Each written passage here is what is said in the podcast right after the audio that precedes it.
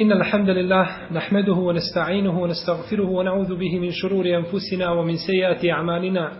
من يهده الله فهو المهتد ومن يضلل فلن تجد له وليا مرشدا. وأشهد أن لا إله إلا الله وحده لا شريك له وأشهد أن محمدا عبده ونبيه ورسوله وصفيه من خلقه وخليله.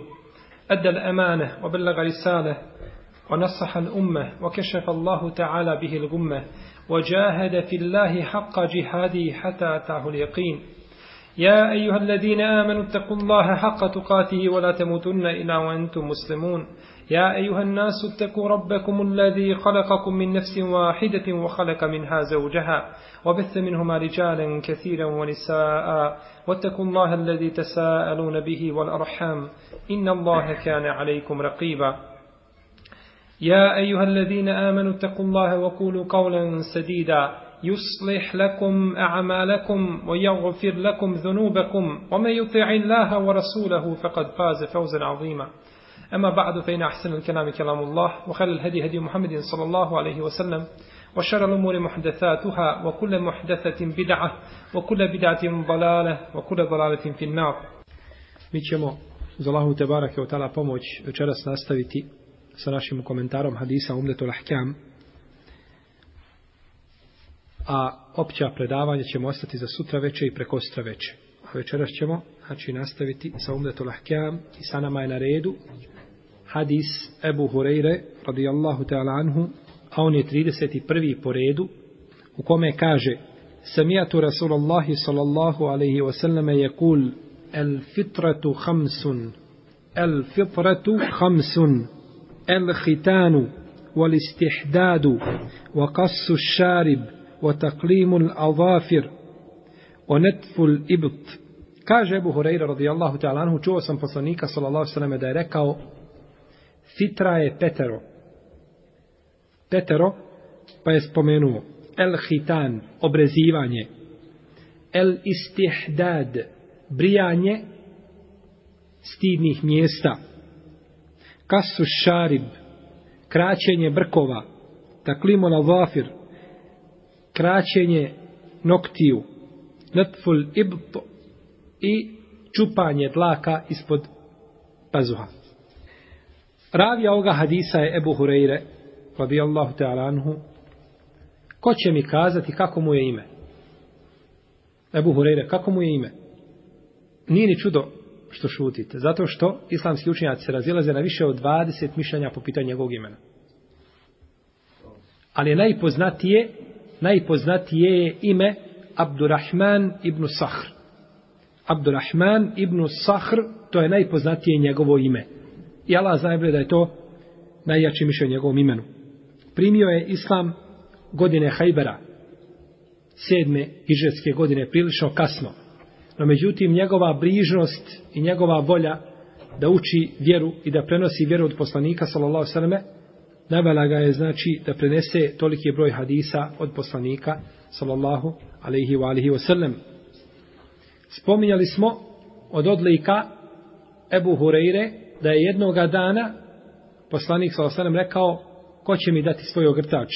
Pa ga je prostruo na zemlju, pa je poslanik sa osvijem sjeo na taj ogrtač. Potom ga je ogrnuo, ili ogrnuo Ebu Horeira u taj ogrtač i kaže Ebu Horeira nakon toga, nikada ništa više nisam zaboravio od poslanika, sallallahu alaihi wasallame. Bio je jako poznat po pitanju sticanja znanja. Volio je znanje. Tako da je bio gladan da nije imao šta jesti da bi sticao znanje. I kod Buharije u njegovom sahihu ima predaja da je padao od gladi između mimbera i kuće poslanika sallallahu s.a.v. na zemlju. Pa bi mu glava otišla u pijesak. I onda bi se odupirao nogama tako da bi dalje glava odlazla u pijesak. Pa bi prišao čovjek pa stavio svoje stopalo na njegovu glavu, na njegov vrat i pritisnuo ga, kaže, misli taj čovjek da sam ja poludio. Misli, i kaže, da sam poludio. A vallahi nisam lud, nego sam gladan. Nego sam gladan Radijallahu ta'ala anhu, znači sve je žrtvovao za ovu vjeru, sve je žrtvao da bismo mi danas govorili, rekao je Ebu Horeire, prenosi nam Ebu Horeire od poslanika, sallallahu alaihi wa alihi wasallam. Vidio je imam Ahmed poslanika, sallallahu alaihi u snu, Pa ga je upitao Allahov poslaniće, je li istina ono što prenosi Ebu Horeire od tebe? Kaže, jeste. Rekao mu poslanik sa osvijem, da, to je istina. I poznata je njegova priča, Islama, njegove majke, lijepa priča, kada je poslanik sa osam uputio dovu, pa njegova majka primila istog momenta Islam, radi Allahu anhuma. Prenosi nam hadis o el fitretu hams. Fitra je pet stvari, pa je spomenuo ono što smo preveli jeli, iz hadisa. Autor je ovaj hadis stavio u poglavlje Tahareta. U poglavlje Tahareta zato što su ove stvari koje su spomenute i obrezivanje, i brijanje stidnih mjesta, i skraćivanje brkova, i noktiju, i čupanje dlaka ispod pazuha, sve to vodi Taharetu. Sve to vodi ka Taharetu, pa zbog toga jeste, znači autor uvrstio ovaj hadis u poglavlje Tahareta. El fitra, fitra je stvar koja se prevodi na razne načine. Čista ljudska priroda, prevodi se kao sunnet, kao vjera, kao din i slično tome. Ovdje u hadisu kaže Imam el-Hattabi u svome dijelu Me'alimu sunen i to spominje od većine učenjaka i to imam neovi odabro da je ovdje fitra sunnet da je ovdje fitra sunnet i to podupiru hadisom koga prenosi Buhari od Ibnu Omara u kome kaže mine sunneti kasu šarib onetful ibt i tako dalje. Od sunneta je kraćenje brkova, čupanje dlaka ispod pazova i nakon toga je spomenuo druge stvari kao što je skraćenje noktiju. Pa je znači ovdje po mišljenju većine učenjaka fitra sunnet. A kaže imam el Mawardi Ebu Ishak Širazi da je ovdje fitra din da je to vjera. Da je to vjera. Kažemo da riječ fitra može u hadisima doći na različite, imati različita značenja, pa može ponekad imati značenje vjera, kao što je došlo u hadisu Elbera ibn Aziba, koga bilježe Buhare i Muslim i drugi, u kome kaže, kada čovjek krene na večer u postelju, neka kaže, Allahumma eslemtu nefsi ilajk, sve do riječi fe in mitte mitte alel fitra. Neka kaže gospodaru moj ja sebe prepustam tebi pa ako umre nakon toga umreće na fitri. Umreće na fitri na čemu? Na na vjeri ispravnoj. Umreće na fitri na vjeri. I znate hadis u kome se kaže da se svaki svako novorođenče da se rađa u islamu pa ga njegovi roditelji učine idolopoklonikom ili židovom ili kršćanom A nije rekao i muslimanom. Znači, rađa se kao musliman, u stvari u hadise kaže, ne kaže se na, na islamu, nego u hadise kaže, svako se dijete, kulume u ludini uladala fitra, svaki se, svako se dijete rađa na fitri. E šta je fitra ovdje? Kaže, pa ga njegovi roditelji učine idolopoklonikom ili židom ili kršćanom. A nije rekao ili muslimanom, zato što je već musliman. Pa je znači ispravno da je tu fitra, šta? Islam. Isto tako hadis Huzeife u kome je vidio čovjeka, ili predaja Huzeife u kojoj je vidio čovjeka, da klanja ko kokoš kada kljuca zrnje. Nije ništa upotpunjavao, niti ruku, niti seđde. Pa kaže da umre, kaže leo mate hada, mate ala gajri fitre. fitra. Da ovaj umre, umro bi, ne bi umro na fitri. Ne bi umro na čemu? Na vjeri ispravnoj. Na vjeri ispravnoj. Pa je znači fitra shodna a, kontekstu u kome je došla, pa se gleda znači u kontekst nekog hadisa. El fitr tu hamsun Fitra je petero, to jeste petero je od fitre. Jer ovdje reče, pe, fitra je petero i samo to, ne idi dalje. Ne, petero je od fitre, jer je tako došlo u drugim rivajetima, kod Buharije se kaže, ašaru minel fitre, deset stvari od fitre. Opet od fitre, znači fitre ima čega? Više. Ali ovdje je spomenuo Allaho poslanik iz razloga, Allah zamire koga, znači samo određene, samo određene stvari. Kada kažemo petero je od fitre, petero je od fitre, to su riječi kao kada kaže poslanik s.a.v. El hađu arafe, hađi arefat. Kada bi čovjek došao na arefat i ne bi obavio tavafoli fada, niti bi boravio na mini, niti bilo šta drugo radio, bi mu hađ bio ispravan? Ne bi. Ali Allahu poslanik sa kaže šta? El hađu arafa. hađi arefat. Zbog vrijednosti toga, zbog vrijednosti toga čina ili, ili toga stojanja, toga dana na arefatu, uobzireno je da je znači arefat sav hađ. No međutim nije. Kao što kaže poslanik s.a.v. edinu dinu nasiha. Din je nasihat. Vjera je nasihat. Znači li da je sva vjera u nasihatu? Nije, ali zbog vrijednosti nasihata i mjesta koje je zauzima u šarijatu i u društvu i zbog njegovih koristi, Allahov poslanik je rekao kao da rekao sva vjera je nasihat. Pa hoće ukazati na vrijednost čega? Toga će. Tako je znači i u ome, tako je u ome slučaju došlo. Ovdje prvo što je poslanik s.a.v. spomenuo, bilo je el-hitan, obrezivanje. Većina uleme smatra da je obrezivanje sunnet. Da je obrezivanje sunnet, dok šafijski i neki drugi učenjaci kažu da je vađib. Mi po ome pitanju imamo nekoliko mišljenja. Prvo, da je obrezivanje obavezno muškarcima i ženama. Obavezno, vađib i muškarcima i ženama. I ovo je stav šafijski i hambelijski pravnika. Šafijski i hambelijski pravnici kažu da je obavezno. Ima od njih, ovo je većina njihovih pravnika, neki od njih kažu da je vađib muškarcima, da je sunnet ženama. No međutim, jedan dio kaže da je vađiv za jedne i za druge. Drugo mišljenje je da je sunnet, znači prvo mišljenje da je sunnet jed, vađiv jednima i drugima, s tim što imamo neke pravnike koji kod žene kažu da je sunnet. Drugo mišljenje je da je sunnet i muškarcima i ženama. I to je mišljenje hanefijski i malikijski pravnika. Da je sunnet jednima i drugima. Imamo treće mišljenje da je imamo treće mišljenje da je sunnet ljudima, a da je počaš, da je to čast i ukazivanje počasti ženama na takav način. I to je mišljenje zahirijskih pravnika i to je jedan rivajet od imama Ahmeda. Ovo su znači mišljenja koje su navela. Ako ste malo pazili, primijećite da nigdje ovim mišljenjima kod pravnika islamski nije spomenuto da je obrezivanje žena bidat i da je novotarija i da je to nešto uvedeno i da to nema nikakve veze sa vjerom i tako dalje. Onaj ko to kaže, on nema nikakve veze sa vjerom. Niti poznaje vjeru. Niti poznaje što su govorili islamski učenjaci. Pa su ovo riječi, znači islamski pravnika kroz generacije, niko nije kazao da je to niti mekru, niti pokuđeno i tako dalje. No međutim, islamski učenjaci su gledali u, u razlog iz koga se znači, što se tiče muškarca, to je jasno, a što se tiče žena, oni su gledali razlog zbog koga, pa kažu, obrezivanje žena umanjiva njene šehvete i njene strasti. Pa kažu, ako žena živi u predjelima gdje nema velikih gdje nema velikih temperatura i nema znači povišenih temperatura, da tu žene ne trebaju da se obrezuju. Mogu, a ne moraju. Znači nije im obaveza.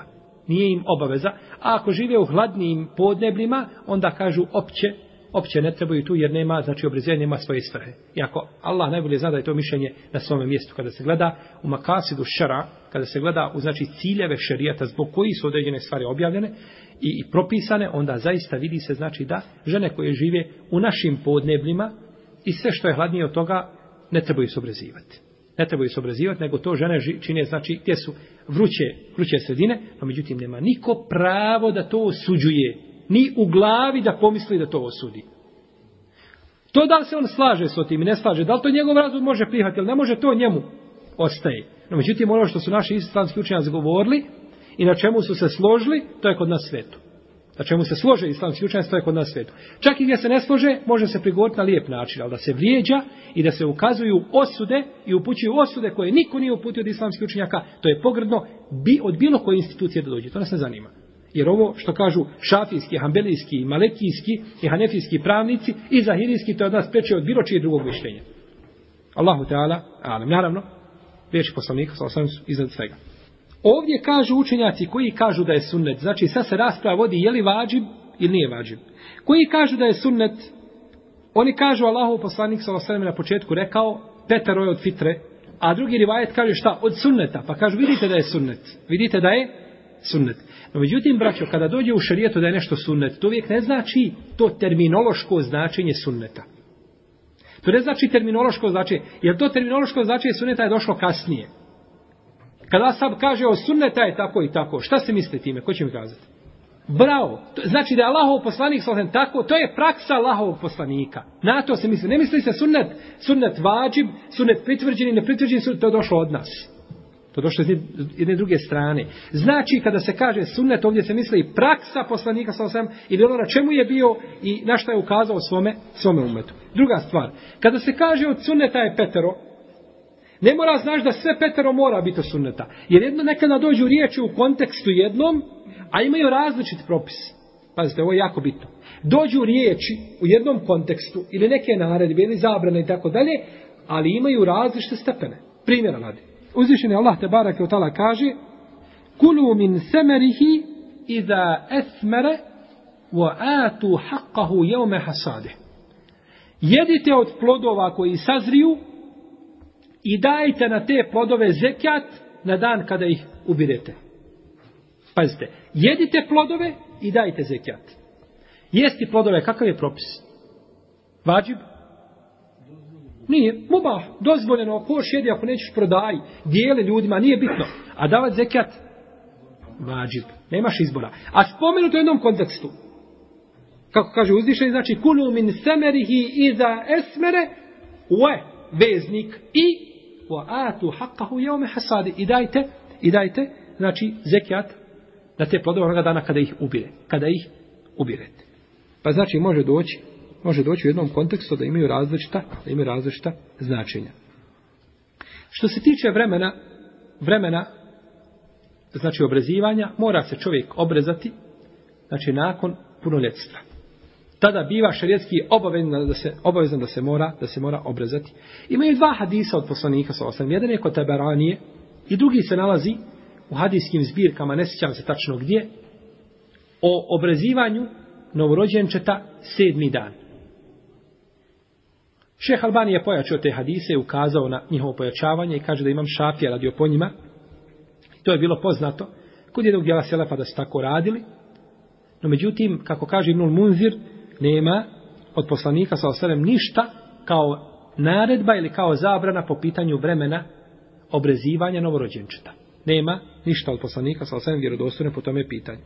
Kod imama Buharije ima predaja od Ibnu Abbasa koju prenosi od njega Džubeir ibn Sa'id ili Sa'id ibn Đubeir, radijallahu ta'ala anhu da Ibnu Abbas pitan koliko si, kaže, godina imao kada je umro poslanik sallallahu sallam kaže bio sam toga dana obrezan bio sam toga dana obrezan, a kaže tada se djeca nisu obrezivala, osim kaže kada mo, budu mogla razlikovati stvari. Kada budu mogla razlikovati stvari ili kada se približe svome punoljetstvu.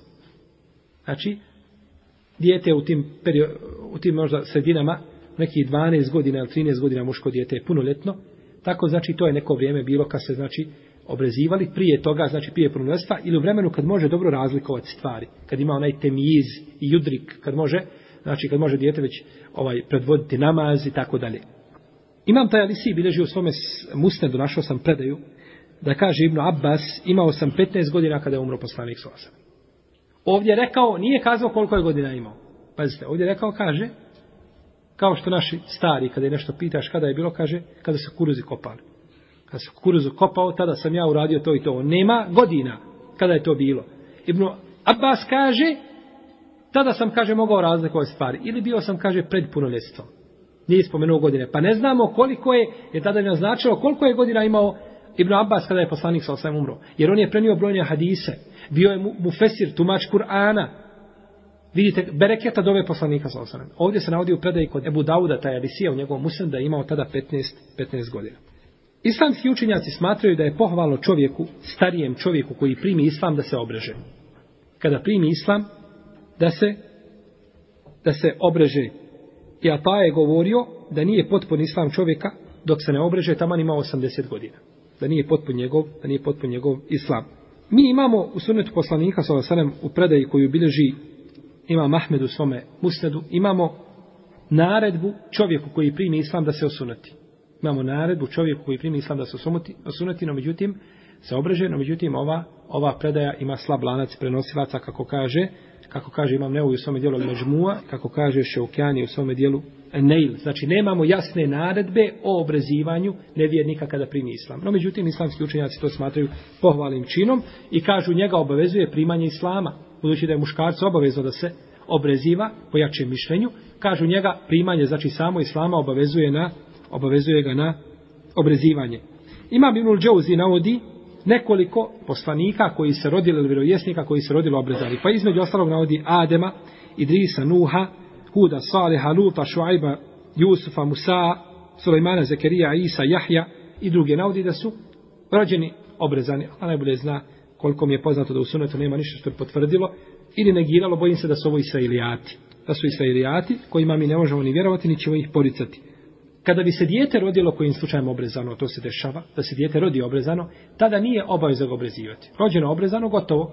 Desio se cilj, to je cilj šarijata da se šta? Obreže. Ono se rodilo obrezano. Znači ne moraš ga ponovo obrezivati, gotovo je. Osim što neki islamski učenjaci kažu da bi trebao čovjek tada da uzme samo britvu i da samo pređe onako a, simbolično ili formalno preko dijela koji se treba obrezati. Eto da to bude simbolika nekakva. Kao kada kažu za čovjeka, dođe čovjek na primjer na hađ, nema nigdje dlake na glavi. Potpuno ćelav čovjek. Opala kosa. Zbog bolesti godina nije bitno. Kažu šta će on raditi kada treba da se brije? Kažu neće se brijati. On je gotovo. Nema šta brijati. Jedni kažu neće se brijati, ali mora onako formalno neko da mu samo pređe sa britvom po glavi.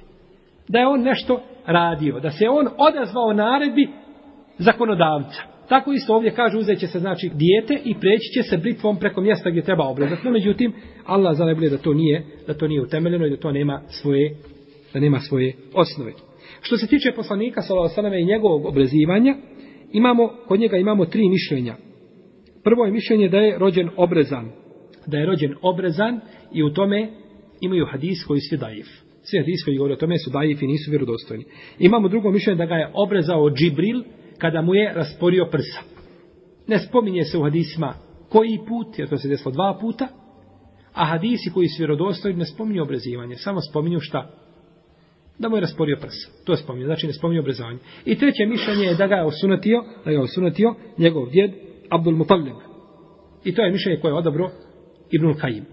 I težio je naginio tome mišljenju, Allah najbolje da, da, da je to bilo naj, najpreće i najbliže istini. Znači, jer osnova je da se nije rodio obrezan, osim ako imamo argument, nema vjerodostojnog hadisa, a što se tiče Džibrila, nema argumenta jasnog, jakog, pa bi, znači, ostalo da je to uradio neko od njegove porodice. Dalje se ovdje spominje u hadisu ul istihdad. El istihdad je brijanje stidnih mjesta. Misli se na dlake koje rastu, znači, oko čovjekovog stidnog mjesta. Ili, misli se na muškarca i na ženu, isti je propis. No, međutim, neki učenjaci kažu da se ovdje u ovo ubrajaju i dlake koje rastu isto tako oko analnog otvora. Da i to treba brijeti. Pa je tu razilaže i među pravnicima. Da li ubraja se i jedno i drugo, ili to se odnosi samo znači na, na stidno mjesto koje raste ili gdje dlake rastu oko polnog organa. No, međutim, ono što su odabrali a, neki šafijski pravnici, da treba i jedno i drugo brijeti. Jer kažu da čovjek da se često na tim dlakama zaustavlja nečistoće, koja može nakon toga prleti čovjekovu odjeću i slično tome, da mu dovede namazu pitanje, pa kažu, to je najpreče sve, znači da se ukloni.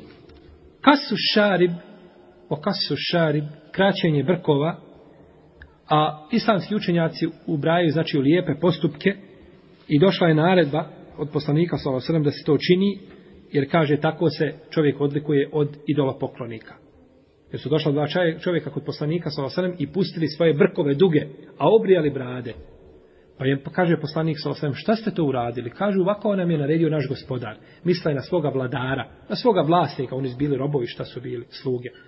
Pa kaže, ali meni moj je gospodar naredio da skratim brkove, a da pustim bradu. Pa su znači oni uradili suprotno, pa je Allahov poslanik znači upozorio i ukazao im na ispravu. Kažu islamski učenjaci da je lepo čovjek kad krati brkove da počne sa desne strane sa desne strane da krati vrkove. To i nije sporno osim kod ljevaka, jel, koji koriste lijevu ruku. To bi kod njih bilo sporno, ako koristi desno, će onako početi li sa desne strane. Kažu, islamski učenjaci, može čovjek sam sebi krati brkove, može mu neko drugi krati, sve, sve je dozvoljeno, sve je to džajz. Taklimula vafir, kraćenje noktiju, turpijanje noktiju, jel, kraćenje se misli na kraćenje.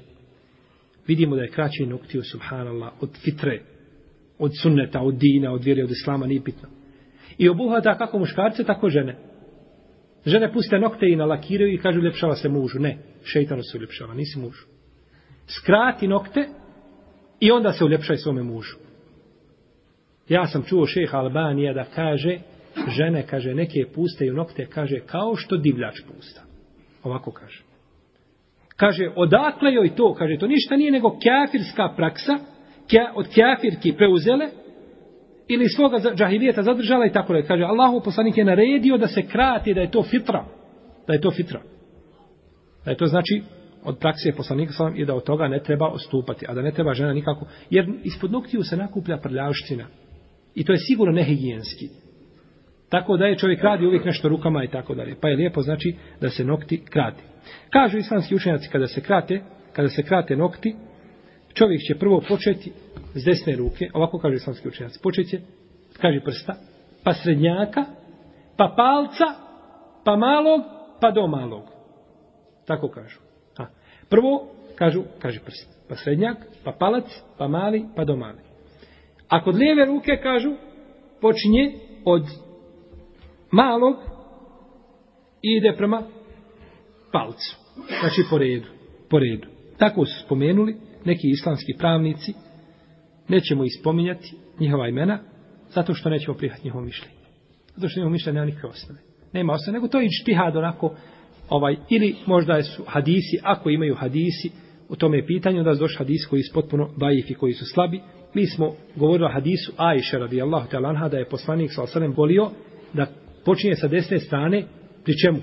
U svim dobrim stvarima, u čistoći i tako dalje. Pa znači, kada bismo trebali odabrati neko mišljenje, onda kažemo kad krati nokte, počeće, oni kažu ruke će krati prije nogu.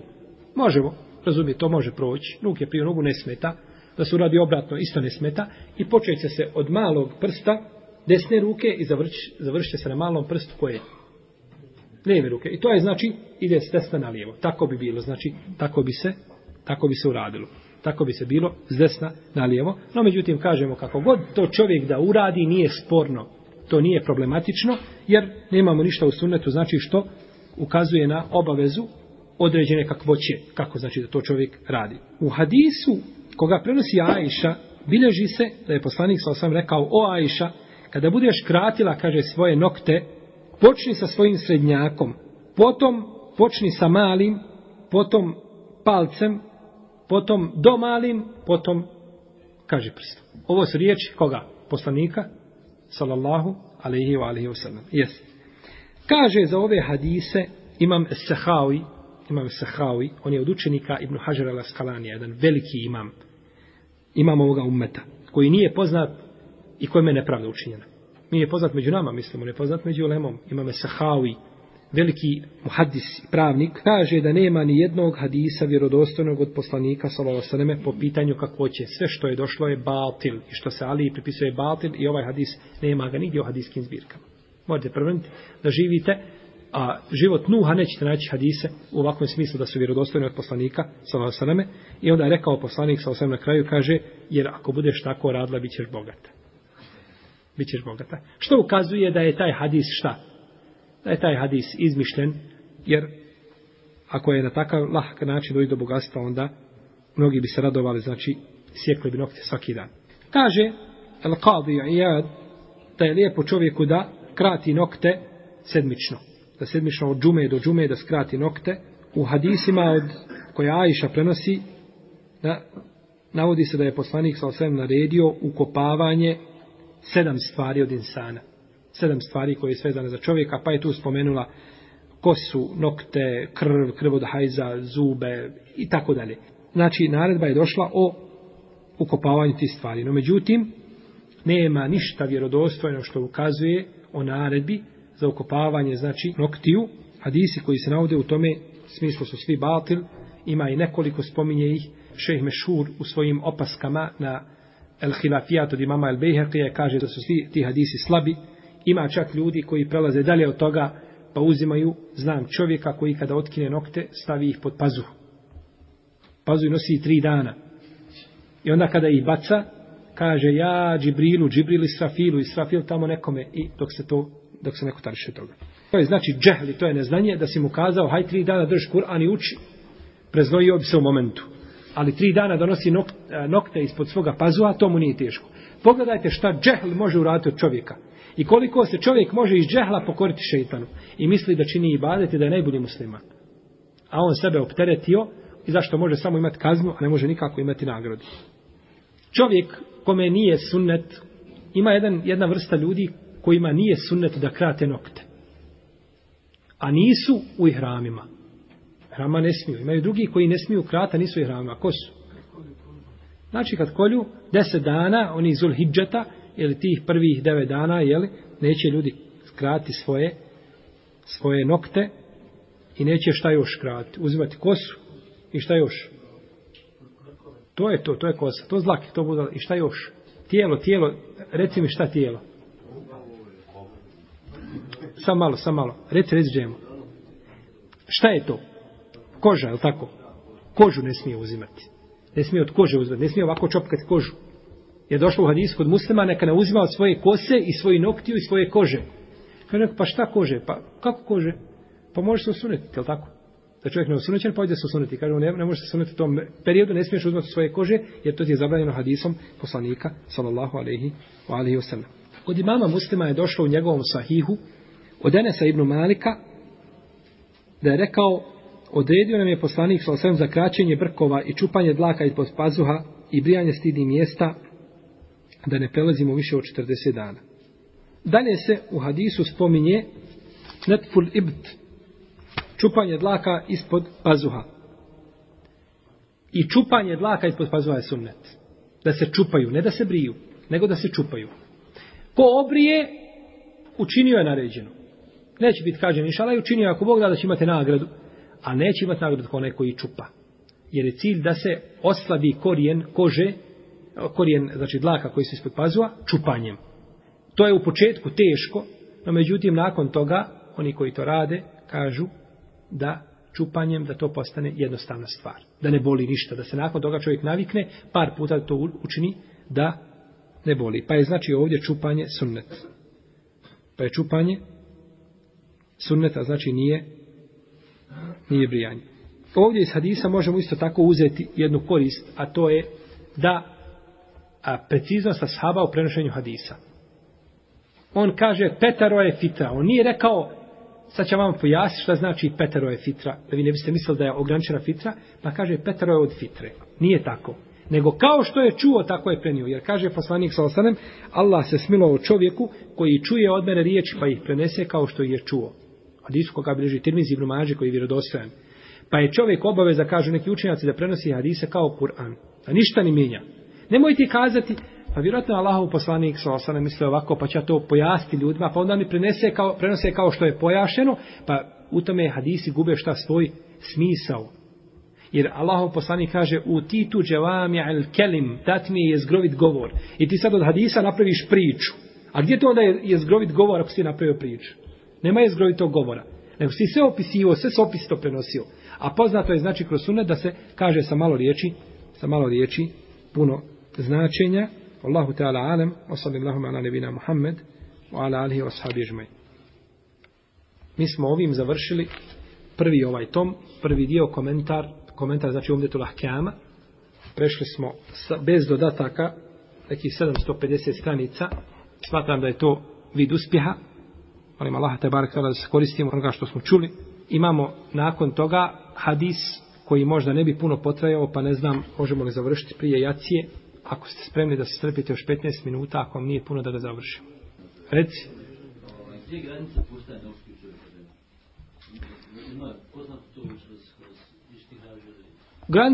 opštih je 40 dana. 40 dana. Znači, preko 40 dana biva čovjek griješan. Preko 40 dana kad ne bi izlazio iz okriva fite, no međutim ima, ima nešto, to je Allahov poslanik, sa osam postavio gornju granicu. Pa kad čovjek ostavio 60 dana, sigurno bilo puno. Ali to je iz milosti prema nama, znači da, nas, da nismo opterećeni nečim. Imate ljudi, imate ljudi, grickanje noktiju je mekruh. Grickanje noktiju je mekruh. Da to se islamski učenjac govori da je mekru. Zbog štete i tako dalje, i zbog, nije, znači ne odgovara to islamsko načinu, ovaj, niti edeba, niti ni, jeli, kulture. A, u svakom slučaju, ovaj, naćite ljude kojima će biti više obaveza. Mi smo imali čovjeka jednog koji je bio sa nama u nekadašnjoj onoj prokletoj vojsci, na njihovoj. Imao je nokte, naveče ih odreže i ujutru oni narasli kao kod tebe kad budu možda sedam dana. Imao poremećene hormone. Čudo, čuda se dešavaju čovjek, on je, on je izludio od toga. On se penjao na drvo i posipao sebi jogurta po glavi, onako svašta nešto ovaj, dešavalo mu se od psihičkog tog pritiska. Po mnogim stvarima, znači imao poremećenje bontone, pitanje brada, brijanje i tako dalje. Se mogu svako dva sahta izbrijati. brijati. Tako da, znači, tim ljudima koji bi ka, tako se dešavali, da mu brže rastu nokti, onda ne možemo mi kazati 40 dana pa ti čekaj, nego ti si dužan da to prije na neki način rješavaš. Allahu Teala. Kazali, stidna mjesta, brijanje ispod pazova čupanje. A brkovi, brkovi nismo to spominjali, ona se preletlo, ovaj, brkovi se mogu kratiti na usnu, ovako znači na crtu ovu, a mogu se krati uzduž, ovako kompletno, znači mašinom onom da se krati i to da se uzima puno od brkova da ostane, znači samo malo, jer Ibn Omer je kratio brkove, navodi se da je bio ko oguljena ovca, da bi tako izgledali njegovi brkovi, kada bi ih skratio, tako se navodi predaj. Većina uleme smatra da dozvoljno i obrijati, no međutim imam Malik se tu uprostavio, žestoko se usprotivio i kaže da onaj ko obrije brkove da ga treba kazniti popravno odgovornom mjerom da ga treba udarati. I to je mišljenje, znači imama Malika, ne znam da li ima zato jasan argument, u svakom slučaju, da bi čovjek izišao možda iz razilaženja, možda je to bolje ostaviti, ali kažemo, jedan dobar dio uleme je to dozvolio. Allahu. Sa dužinom kose granica je kao što je poslanik sa osam činio. Ili da imaš na četiri, četiri ovaj, jedna, četiri načina. Da imaš ili obrijanu glavu kada je bio na umri, kada je bio muhrim, hađu, da imaš kosu do sredine uha, do mekog dijela uha, ili kosu koja dolazi do ramena. Sve preko toga, sve preko toga je Allah ne bude zna zabranjeno. Jer se navodi u hadisima stvari islamskog olema kada govori o dužini fetvama kada govore, oni kažu, ne spominju dužinu, kaže da ne ulazi, a bude takva dužina da ono ponaša žensku kosu. Šta oponaša žensku kosu, gdje je granica? Ako bismo kazali da čovjek može i preko ramena imati, znači da mu pada kosa do ovdje, onda bojim se da više nema granice između muške i ženske kose da je to jednostavno, da je to Allahov poslanik imao kosu, od isko koga bliži muslim od Enesa, kaže kada bi išao, kosa bi letala des, levo desno i oni vrhovi kose bi udarali po ramenima ovako. Znači, tačno je bilo otprilike kada ispravi glavu, znači do ramena. To je najduža kosa što je Allahov poslanik s.a.v. imao, tako da smatram da to ne treba prelaziti preko toga. Ja sam vidio brata u Bosni, ima kosu maša, on ima bradu dugačku. I, I kosu, ali je kosa sva ona u one vitlovana. I ovako pada ovamo napred samo da je zaklopiti njegovo lice i kazati čija ovu kosu prkoženska. To je opasna stvar, jako opasna stvar. Tako da, i onda čovjek sa domom kosom znao dosta slučaja biti fitnet. A biti fitna. Toga se treba čuvati. Islamski učenjaci govorili ljudima fitnama kao o ženama. O djeci malo, dječacima i tako dalje. Pa to treba ovaj paziti. Ko ima dužu kosu može primijeti kako se za njih ljudi gledaju i okreću i tako dalje. Bojim se da u tu ulazi ona šuhra, prepoznatljivost, da čovjek bude prepoznatljiv. Pa znači da ima ono što ima Allahov poslanik, to je preče da se ograniči i to je čišće za njega. Allahu ala. Ti svojim hadisima vidio da je sve bilo jednako. Ili je bilo obrijano, ili je bilo sve skraćeno, ili puštano. Međutim, nije to obaveza. Čuo sam šeha Albanija da kaže da je to adet, ovaj, da je to sunnetu ade, a nije sunnetu ibade. Da je to sunnet adet, a ne sunnet ibadeta. Znači, koliko god da kosu pustiš, da je to adet, a nije ibadet. Nemaš ti za to posebnu nagradu. Osim kad bi čovjek rekao, ne, ja hoću imati dugu kosu, sljedeća Allahov poslanika. Vidi, Allahov poslanik imao je kosu, znači jednaku svu. Ali mi kažemo, ta jednaka kosa, je li to sunnet adeta, običaja, ili je sunnet ibadeta? Ulema kaže, to je sunnet adeta, a nije sunnet ibadeta. Razumiješ li? Da imaš svugdje jednaku i takav način. E sad kad bi čovjek pustio tu kosu kao poslanik sa osanem, zato što je nosio tako svugdje jednako, kaže ovdje sledim Allahov poslanika, kaže mi išao da imati nagradu. Jer svako stvar koja uradiš, daš imati nagradu. Ali, ako bi čovjek ošišao da na jednom mjestu kraće, a na drugom duže, to nije, ovaj, ne, ne kaže se da je pogriješio, da je mekru učinio i tako dalje. Ništa, e, znači ne, ne pripisujemo se s te strane, već ima pravo, ali ne smije, mora izbjeći ono da je jedan dio kose šta?